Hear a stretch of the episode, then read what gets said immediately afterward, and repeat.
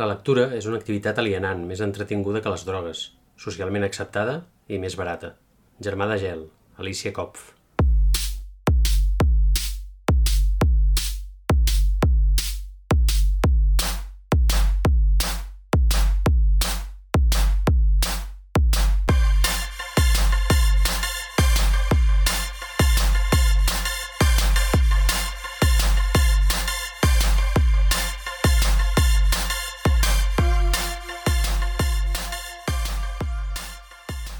Benvinguts a una nova emissió de Ràdio EBH, el podcast dels Book Hunters.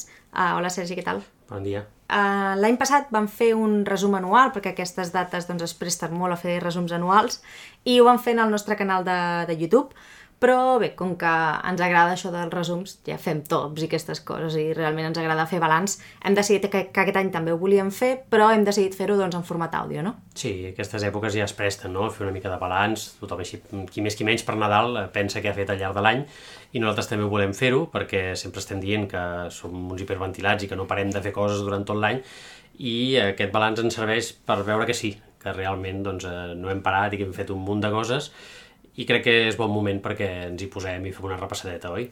Doncs començarem amb aquest podcast, que de fet va néixer aquest any a Ràdio EBH. Nosaltres ja participàvem en el podcast Llegiu que el món s'acaba, que és un podcast a vuit mans, que el fem conjuntament amb l'Anna Rossic, de Traduint des de Calella, i en Joan Rius, de Dolça Metzina, i vam decidir doncs, que també volíem una altra mena de format, arran d'aquí va néixer a Ràdio EBH, que va començar com a mm, podcast pels nostres subscriptors de la Xeta, no?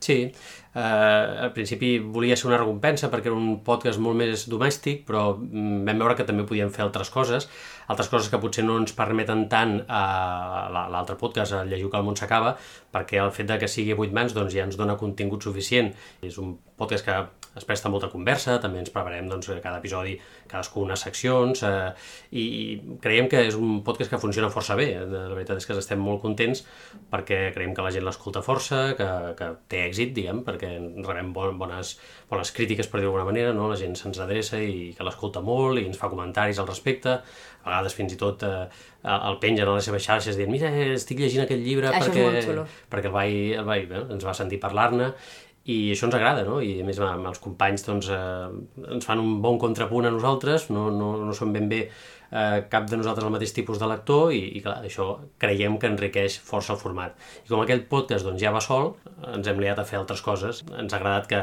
que aquest eh, format, que era més domèstic al principi, que, que era només per als nostres subscriptors, hagi passat a ser en obert i per poder parlar amb altra gent, no? Eh, en formats d'entrevistes, també una mica de tertúlia amb gent diversa que vagi canviant i fer-ho així més a la nostra manera. Com dius tu, no? que el fet de poder entrevistar altra gent doncs, eh, ens ha permès no ser només nosaltres dos, sinó tenir altres veus aquí a entrevistar. La majoria de vegades hem entrevistat, jo crec, eh, gent que acabava de treure llibre. No? Vam entrevistar en Joan Enric Barceló, a la Marta Oriols, hem entrevistat també a en Daniel Arbós, a Gomingui, no perquè acabés de treure el llibre, però sí la seva edició en català, perquè va venir um, amb motiu del Festival 42, no sé si em deixo algú. La Marilo Álvarez també va També, entrevistar, sí, sí. que acabava de treure un nou llibre a Bromera. I crec que fins aquí són les entrevistes que hem fet. Sí, que, home, eh, tenint en compte que hem gravat, em sembla, 13 episodis aquest any, doncs eh, no està malament, la gent que hem, que hem tingut amb nosaltres. També vam fer un altre format més tertúlia, en el qual teníem dues booktubers catalanes, de les que més ens agraden, una d'elles, l'Anna Rossic, que fa a Llegiu que el s'acaba amb nosaltres, i l'altra, la Marta Roig, que porta el canal eh, Lectu Marta. Llavors vam tenir un debat amb elles sobre què és això de parlar de llibres en català a, a, a YouTube, que diguéssim que no som tanta gent, nosaltres tenim el nostre compte, el nostre canal de, de YouTube, però que no som tanta gent que ens hi dediquem en català i bé, també és un, un episodi que va ser força escoltat i que ens va agradar poder parlar amb elles i veure les seves impressions i, i realment el panorama és una mica trist, mm. però com a mínim hi ha gent militant que segueix fent les coses en català, cosa que ens agrada. Sí, el tema de la llengua sempre és controvertit. Doncs no sé, jo crec que estaria bé que recuperéssim alguns talls, algunes entrevistes que més ens han agradat. Tu en tens alguna al cap? Home, jo crec una de les que em va fer particular il·lusió va ser en Joan Enric Barceló. Diguéssim que els altres són autors, eh, escriptors, escriptores de molt més recorregut, però Joan Enric Barceló nosaltres l'hem seguit des de fa molt i molt temps en la seva vessant, evidentment, com a una, una de les veus eh, dels Amics de les Arts, una de les veus que més ens agrada, de fet, i que publiqués un llibre doncs, ens va servir com a excusa perfecta per poder eh, trobar un moment, eh, seure amb ell i parlar del llibre i d'altres coses, i amb ell també com a lector, perquè sabem que és un, un lector molt voraç i que, que en sap molt, i jo crec que va ser una entrevista molt divertida, no? Eh, jo m'ho vaig passar molt bé fent-la. Sí, va ser una entrevista molt, molt divertida, jo també m'ho vaig passar bastant bé, la veritat és que vam parlar com de llibres, de sèries, vam parlar de moltíssimes coses diferents, no? Uh, vam veure ja no només la seva faceta fora del, de, la, de, can, de ser un cantant i, i compositor, sinó també fora de la seva vessant d'escriptor, no? La veritat és que saber les seves referències i tal va estar molt xulo i va ser molt divertit. Bueno, escoltem una miqueta com va anar i ja sabeu que podeu recuperar l'entrevista sencera, en aquest cas també en el nostre canal de YouTube i teniu l'àudio eh, en un episodi interior d'aquest podcast. Jo volia reprendre una mica el que has comentat de això de novel·la, relat, no? conjunt de relats, que sí que és veritat que, que parlen molt entre ells, com ens has explicat amb tots aquests personatges, uh, i això és una cosa que tu ja penses des de l'inici o és com una cosa postproducció? És una cosa que, a veure, és un recurs que no és nou, vull dir que no, no, no l'invento jo, i el fort és que no el proposo jo. M'ho proposa Vicenç Pagès Jordà quan estàvem fent...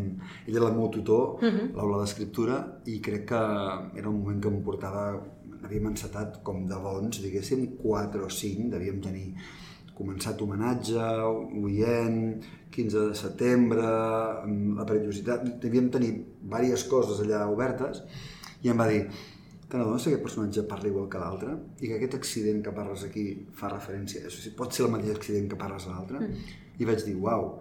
I em va dir, agafa, si vols, i sense ser esclau d'això, perquè tampoc volia que fos heu vist Crash, aquella pel·lícula que és un accident que és una pel·lícula de l'any 90 llargs de, de Cronenberg em sembla que és que hi ha un accident que ho, vertebra tot i tot va confluir en aquell accident. Tampoc volia que fos això, volia tenir llibertat per dir no vull que tot hagi d'acabar o començar amb aquell accident, sinó mm. agafar i dir bueno, hi ha un univers i com a, com a lector jo t'hi empenyo i dic, pum, et foto aquí dintre i no saps, no saps ben bé què està passant perquè ara passes d'aquí allà i connectes en Llorenç del primer en el segon, llavors veus els amics, veus el mosso, vull dir que a poc a poc, com a lector, que vas a les palpentes en un primer moment, poguessis fer un viatge, no, o sigui, no només a través del llibre, però també un viatge d'anar-te elevant molt i molt, molt a poc a poc i que fossis capaç al final de tenir una visió aèria i, i, i global del que vol dir eh, del que és aquest llibre, no?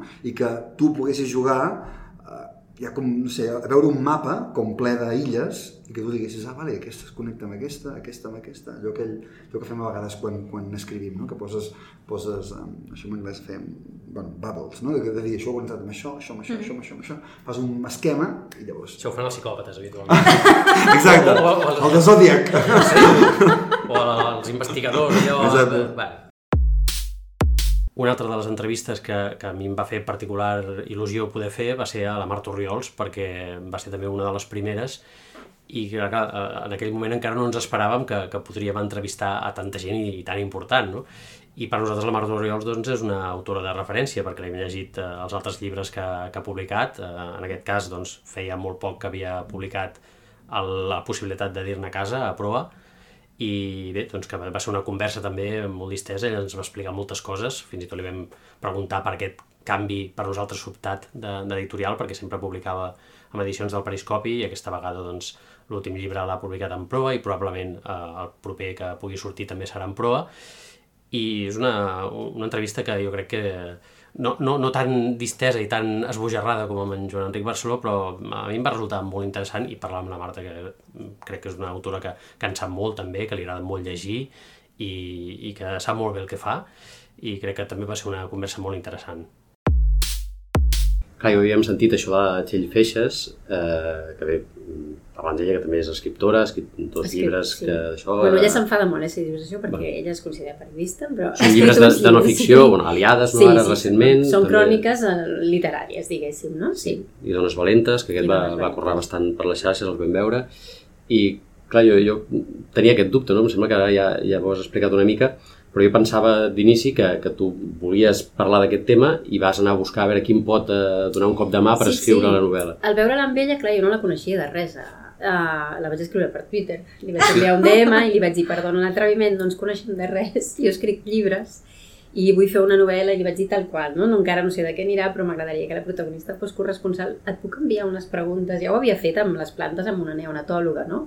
I allò també va anar superbé perquè aquella noia em va dir mira, la que escrius ets tu, perquè jo li havia passat una quantitat de preguntes i em va dir vine un dia i em veus treballar. I la Txell va fer el mateix, de seguida em va dir vine aquí i mira com treballem. El que passa que va ser preciós perquè em va dir, ostres, jo tu sí que et conec i em va enviar una foto del seu pis de Hamra amb els llibres, no? Ah, carai. Soc superlectora teva i no entenc què vols de mi, jo què vols que t'expliqui si tu ho explicaràs molt millor. I va ser una connexió molt bonica. El que passa que em va dir, vine aquí, però després m'han tancat totes les fronteres i evidentment no, no, no. Hi vaig anar, però molt més... Des, molt, quan ja la novel·la pràcticament estava acabada i la vaig haver de retocar després del viatge, no?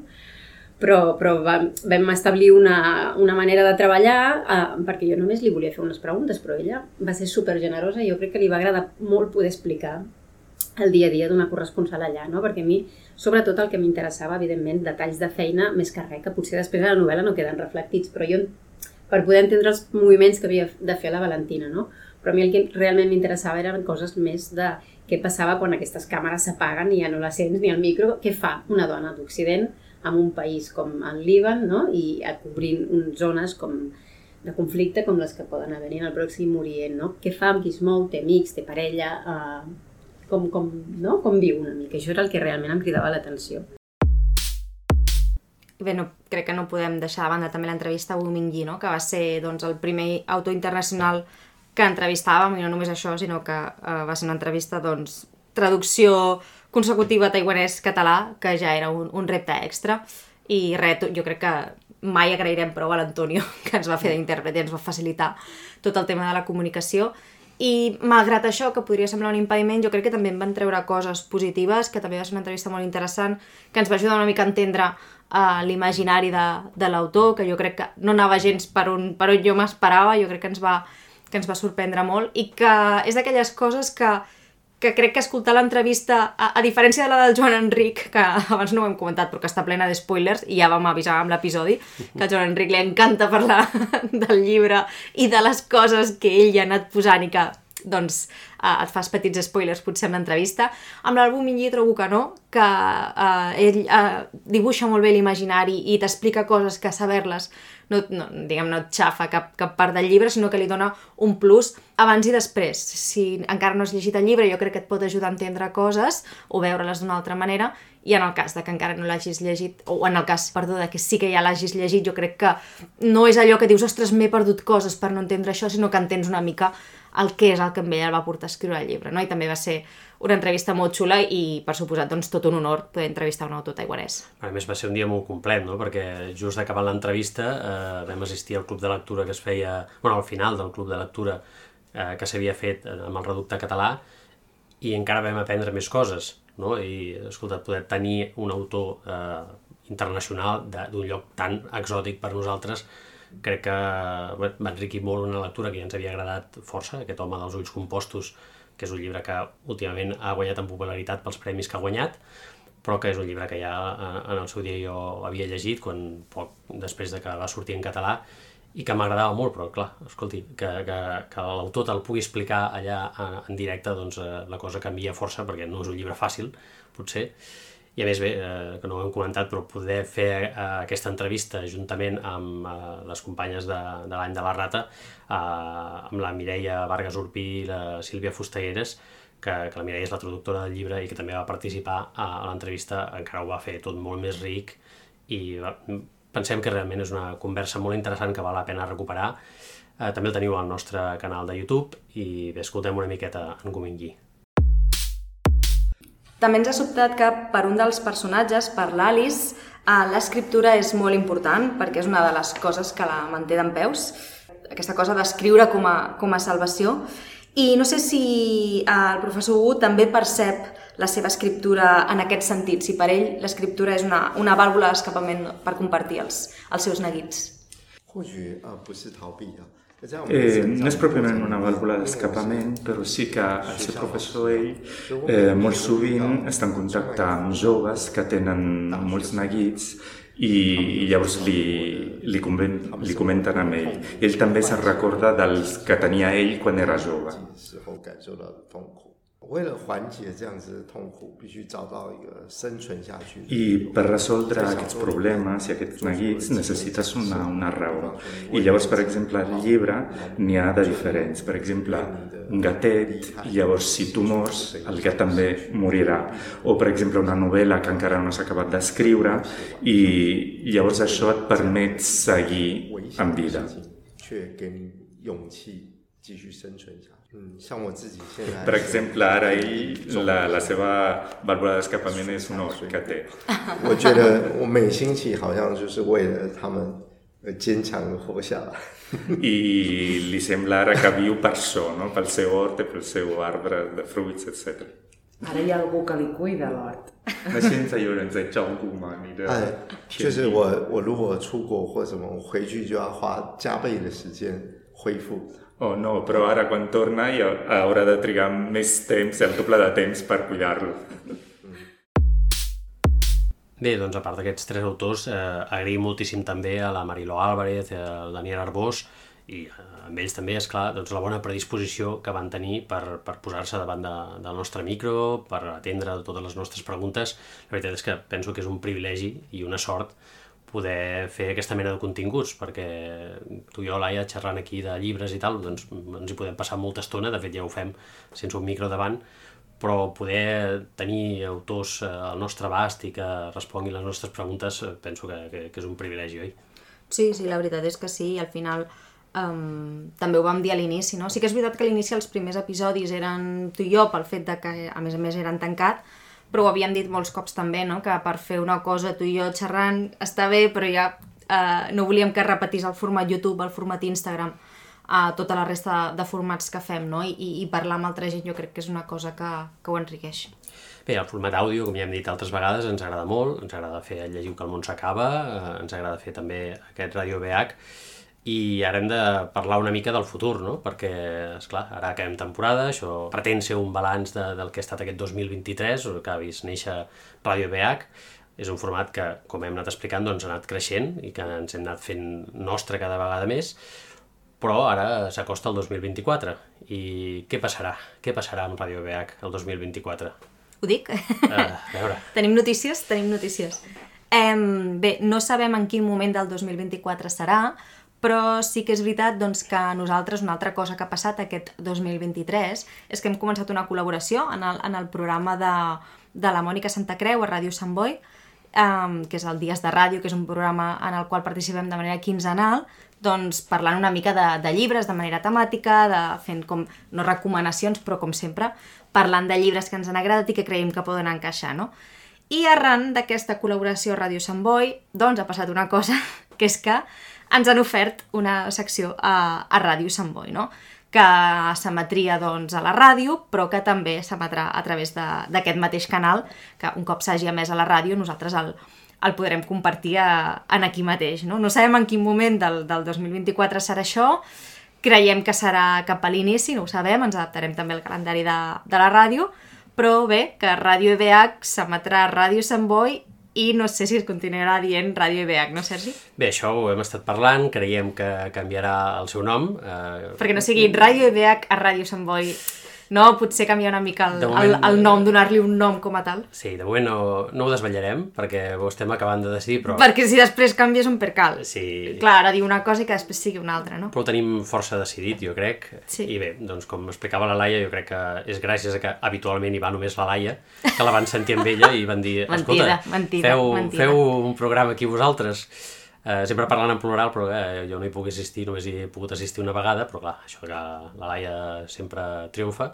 I... No, però han mirat les nostres xarxes, han vist que parlem de llibres, que som de la ciutat, que fa anys que ho fem, parlant humilment, que, que ho fem amb cura, que crec que sabem del que parlem, perquè al final no parlem d'alta literatura, no, no que no parlem de bons llibres, perquè els llegim, però no fem cap mena de valoració eh, elevada dels llibres perquè no en sabem, al final només parlem dels llibres que llegim, si ens agraden o no, òbviament, contra més vas llegint, doncs eh, més bagatge tens i per tant, doncs, també parles potser dels llibres amb una mica més de propietat, dic una mica més, no gaire, no?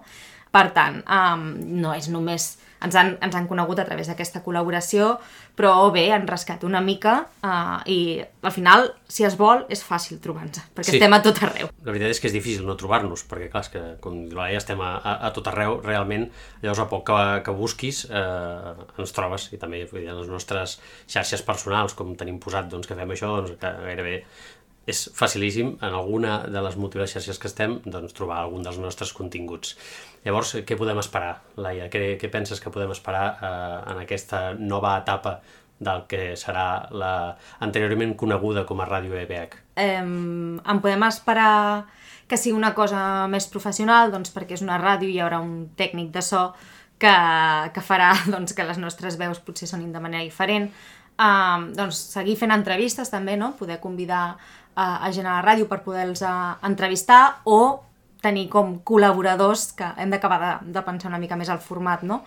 Però no sé si canviarà massa tampoc. No, perquè ja ens agrada fer-ho així i intentarem anar adaptant doncs, les idees que tinguem i eh, anar, podem parlar amb gent, perquè al final ens agrada això, no? No només estar nosaltres dos sols, sinó poder debatre, poder fer tertúlia i poder entrevistar a gent que hagi fet coses interessants i dignes de ser explicades. I poder-ho fer doncs, a la ràdio de la nostra ciutat doncs, crec que tindrà molt de valor, però, com diem, eh, seguirem penjant aquests continguts a les nostres xarxes i fent la difusió, com sempre, en els nostres canals, els nostres comptes, i bé, que esperem que, que, que ens seguiu, eh, per tant, no, no abandoneu Ràdio EBH, eh, si ja hi esteu subscrits, doncs continuarem penjant-ho aquí, encara que hi hagi un canvi de nom, però eh, al final eh, el compte o el canal, com es digui eh, a Spotify i a les altres xarxes, seguirà sent el mateix, i si no us hi heu subscrit encara, doncs eh, us convidem a fer-ho i que no perdre'ns la pista perquè aquí continuarem, perquè això de xerrar i xerrar ens agrada, eh? Sí, xerrar i escriure. Passem a parlar també d'una altra cosa que hem inaugurat aquest any en les múltiples formats que fem, que ha estat Substack. No? Uh, Substack és aquesta plataforma on tu pots tenir una mena de butlletí en el qual doncs, fa, escrius el que vulguis i la gent s'hi subscriu de manera gratuïta i ho rep en el correu. No? Llavors, uh, com va néixer Substack aquest any? Uh, no, bé, uh, sí que és veritat que uh, doncs és una manera d'aglutinar, fer una mica de butlletí de tots els continguts que fem a les diferents xarxes, perquè és difícil seguir-nos a la pista, uh, a tots els canals, ho sabem, però en realitat no era aquest l'objectiu principal, sinó que l'objectiu principal del Substack, que li va, el vam dir, el vam anomenar Substrat EBH, era el fet de que el teu blog, Sergi, el llibres i punt, no? doncs tu tenies una mena de subscripció perquè la gent es pogués subscriure a, a la web per rebre les, les ressenyes i ja tenies ganes de canviar aquest sistema de subscripció i Substack et permetia fer això, no? Bé, entre diverses opcions que podia triar, perquè el, el sistema de subscripció doncs, va, es va extingir o va fallar, no sé què, què va passar, havíem de trobar alguna opció perquè les ressenyes que sortien a llibres i punt eh, poguessin arribar al correu de la gent, perquè aquest és l'objectiu, rebre-ho directament al, al correu, a la teva safata d'entrada, sense que hagis de fer gran cosa, ni buscar-ho, ni estar pendent de publicacions, i de les diverses opcions que hi havia eh, ens va semblar que Substack eh, aportava alguna cosa més. Llavors vam fer aquesta cosa dual, no? totes les ressenyes que es pengen allà es reben al correu, s'indica que és una ressenya i quinzenalment també anem eh, penjant aquests butlletins de resum de la resta dels nostres continguts i també amb una mica de notícies i bé, i posem una miqueta més de, de, de contingut perquè nosaltres som així, no sabem només replicar el que fem en un lloc, replicar-ho a tot arreu, sinó que sempre hi hem d'aportar alguna cosa més. I per exemple una cosa que a mi m'agrada força de, del, del Substack bueno, del, del nostre substrat EBA que, li hem, que hem anomenat doncs és l'explicació que fem alguna vegada de les fotos que pengem a Instagram allà compartim algunes de les ressenyes que, que hem penjat a, a Instagram i diem, mira, aquesta foto potser no es va acabar d'entendre perquè a vegades ens passem de conceptuals, però eh, doncs la Laia es va disfressar de tal cosa perquè en el llibre tal. I això m'agrada, m'agrada poder explicar una mica més i al final és gent que està subscrita i que tenen una miqueta més d'informació que la resta de gent. I mira, escolta, si voleu saber una mica més dels continguts que pengem, ja ho sabeu, us subscriu a Substrat EBH i rebreu aquest butlletí i no cal llegir-ho tot. És allò, eh? Mireu, ah, mira, m'interessa que vam penjar a YouTube. Doncs allà teniu el vídeo que vam penjar aquella quinzena. Que vull saber les últimes notícies o quines coses els hi han interessat amb ells per poder compartir a, a, amb els seus subscriptors. Llavors, mira, que aquella editorial publica un llibre, que es fa una fira de, del llibre no sé on. i crec que, no sé, a mi m'interessa, és un, un format que, que, que m'interessa consumir, perquè és un, un resum que, que el reps directament al correu i que et dona una informació eh, addicional a tota la resta. Passem a YouTube. A YouTube ha estat, bé, el segon any ja sencer que, que teníem doncs, la, el nostre canal obert. Aquest any hem fet eh, 28 vídeos llargs i ara, a última hora de l'any, hem començat un format de vídeos càpsula de 5 minuts que intent, intentarem mantenir també, no? que eh, ens fa il·lusió mantenir sobre temes concrets que ens facin gràcia. El primer que hem fet és sobre aquesta transcripció de l'àudio a text per introduir subtítols a, a YouTube que ho hem començat a fer també eh, gràcies a les eines d'intel·ligència artificial que ens ajuden, no?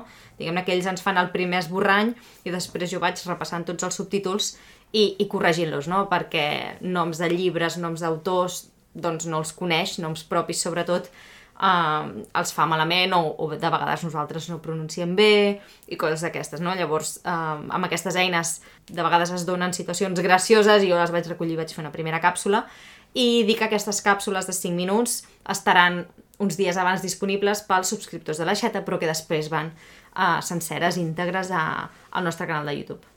Sí, és eh, el que vam, vam dir, no?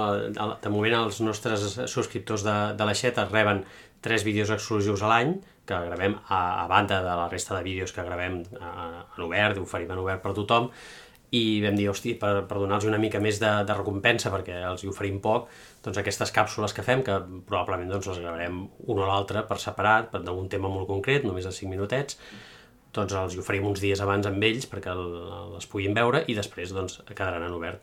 I aquest que, de, que deia la Laia, hosti, és que eh, crec que no ha tingut moltes visualitzacions a YouTube, però jo cada vegada que el veig em faig un fart de riure.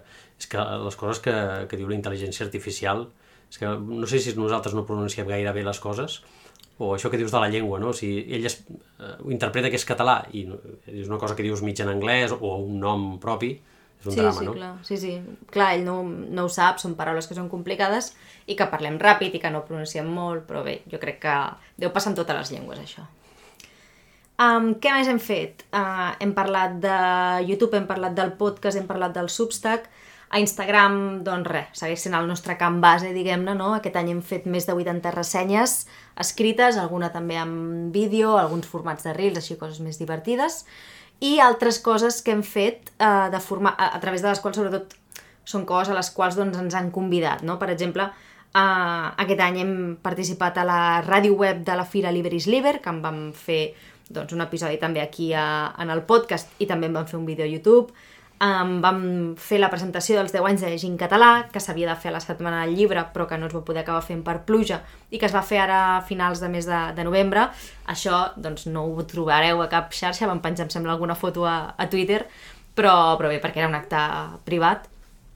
Um, també vam participar al Club de Lectura del Baix Montseny, amb el llibre dels nens són reis de la Delfín de Vigan, que de fet ens van dir que proposéssim un llibre i vam proposar aquest, perquè creiem que els encaixava molt, la veritat és que va ser una conversa molt enriquidora i que han acabat entrant al top del meu any, aquest llibre, sí, sí que sí. realment... Un bon entra... llibre que, que els hi va agradar, oi? Sí, sí, sí. sí. És una conversa molt interessant i...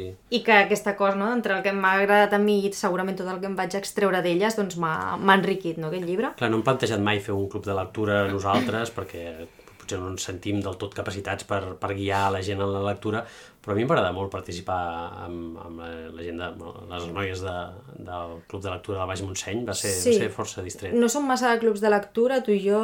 Bé, això va molt a gustos. A mi els clubs de lectura acompanyats en general m'agraden molt més a punt final. A mi, sobretot, el, el problema que tenim són els terminis, no? Que diguin, mira, aquesta setmana llegirem d'aquí a aquí. Això a mi em costa molt. Sí. Jo, per això faig jo aquestes lectures ràpides amb, amb les meves còmplices, que és llegir tothom campi qui pugui i anem comentant. Però, clar, això no es pot considerar potser un club de lectura, però sí que és molt, molt distret i força divertit. Um, què més hem fet? Uh, que no se'ns passi també. Ara a final d'any ens van convidar a l'aniversari de Calonja Poble de Llibres, que feien el segon aniversari i també ens... Bé, és que ens van muntar un cap de setmana gairebé, o sigui que va ser xulíssim. També en vam fer continguts a Instagram. I uh, hem d'anunciar una altra cosa que ha passat també aquest any, que no l'havíem dit fins ara, va, uh... perquè no sabíem molt bé com dir-ho, però escolta, ens fa, ens fa il·lusió compartir-ho, ens ho sí, hem guardat per no, avui. Sí, no és que haguem d'anunciar res, però volem compartir una cosa, que és que un company d'aquí Som Boy, doncs, que ens segueix a les xarxes, que coneixem personalment, a d'altres activitats en les quals participem, ens ha fet una cançó. Sí. Es va fer una cançó pels Book Hunters, eh? eh sembla una cosa increïble.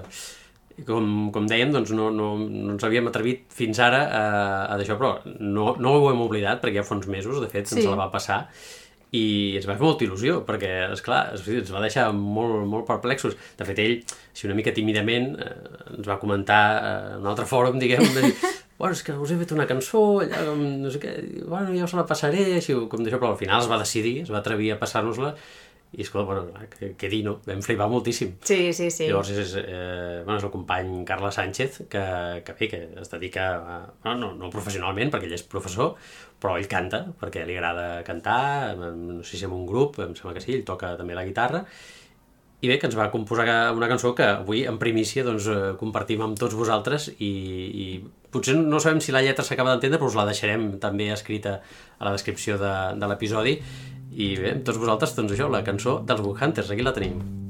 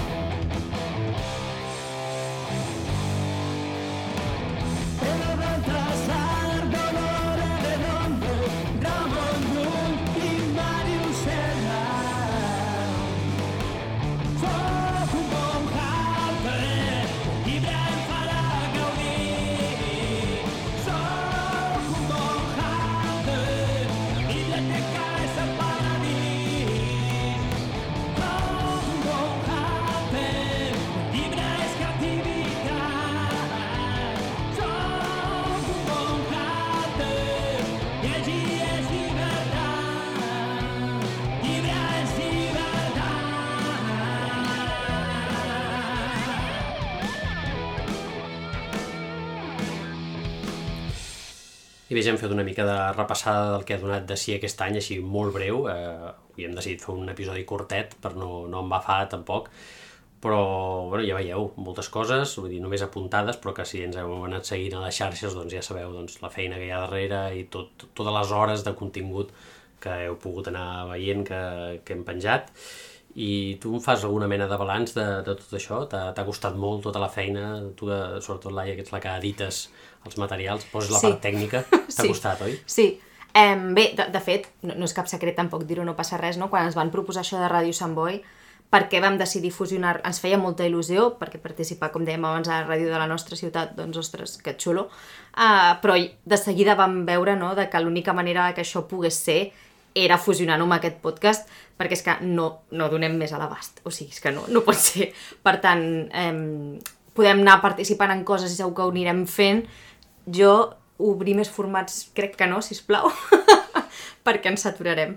He de dir que eh, això de ja, ja no donem per més, crec que ho he sentit moltes altres vegades al llarg de, dels anys que portem fent això de, dels Book Hunters i al final sempre hi ha hagut una mica més de temps per alguna cosa més. Però bé, Jo crec que aquest 2023 Ara- ara ja està, ara ja jo he arribat al arribat. límit i crec que ho saps. hem arribat al límit. Hem arribat al límit i al final tinc la sensació que per fer coses grans, per exemple, una cosa que no hem dit, hem obert TikTok aquest any, Sí, però sí que és veritat que no hi acabem d'encaixar o, no, o a mi personalment no m'acaba d'agradar, llavors reutilitzem molts continguts d'Instagram que sempre ens havien dit que eren molt estil TikTok i creem algunes minicàpsules de vegades, però no és ni de broma la feina que comporta um, sobretot el tema de, de mantenir Instagram o mantenir YouTube, no? Portar xarxes en propietat com les que ja portem. A part de que no sé si hi ha més xarxes, que segur que sí, però no hi entrarem. Eh, doncs bé, jo crec que tenim un topall bé i jo tinc la sensació això de que si alguna cosa entra n'hi haurà alguna que sortirà. Bé, és, amb bon criteri la Laia deia això, no? Hem, decidit fusionar, no, no continuar fent aquest podcast així pel nostre compte i a més participar a Ràdio Sant Boi, que era una cosa que ens fa molta gràcia poder provar, com a mínim, a veure què tal funciona, perquè més requerirà certa periodicitat, no com ara que doncs, quan podem o quan tenim una entrevista així anem penjant els episodis, ara caldrà preparar uns continguts periòdics i ens hi veiem capaços, però sempre fusionant aquest, aquests dos formats, no? Deixarem de fer una cosa per fer-ne una altra. Per fer-la millor. Per fer-la millor, així, exacte, eh? sí, i perquè eren uns formats perfectament compatibles. Esperem que sí, bé, esperem que, que ens seguiu, que, que, que us agradi eh, el que us prepararem per la propera temporada i que realment eh, doncs, prosperi aquesta col·laboració amb Ràdio Sant Boi, perquè jo ja tinc ganes de, de començar i tinc moltes idees de coses que podem fer allà, amb uns micros com Déu mana, amb un espai com Déu mana. Jo crec que la cosa pot anar, pot anar bé. Bé, por en fas sempre tu i totes les teves idees. Però bé, segur que serà per bé. Eh, doncs fins aquí, ho deixem aquí. Uh, moltíssimes gràcies a tothom per escoltar-nos. Esperem que passeu molt bones festes. No tancarem el programa, però sense seguir les tradicions, ja que estem en època de tradicions.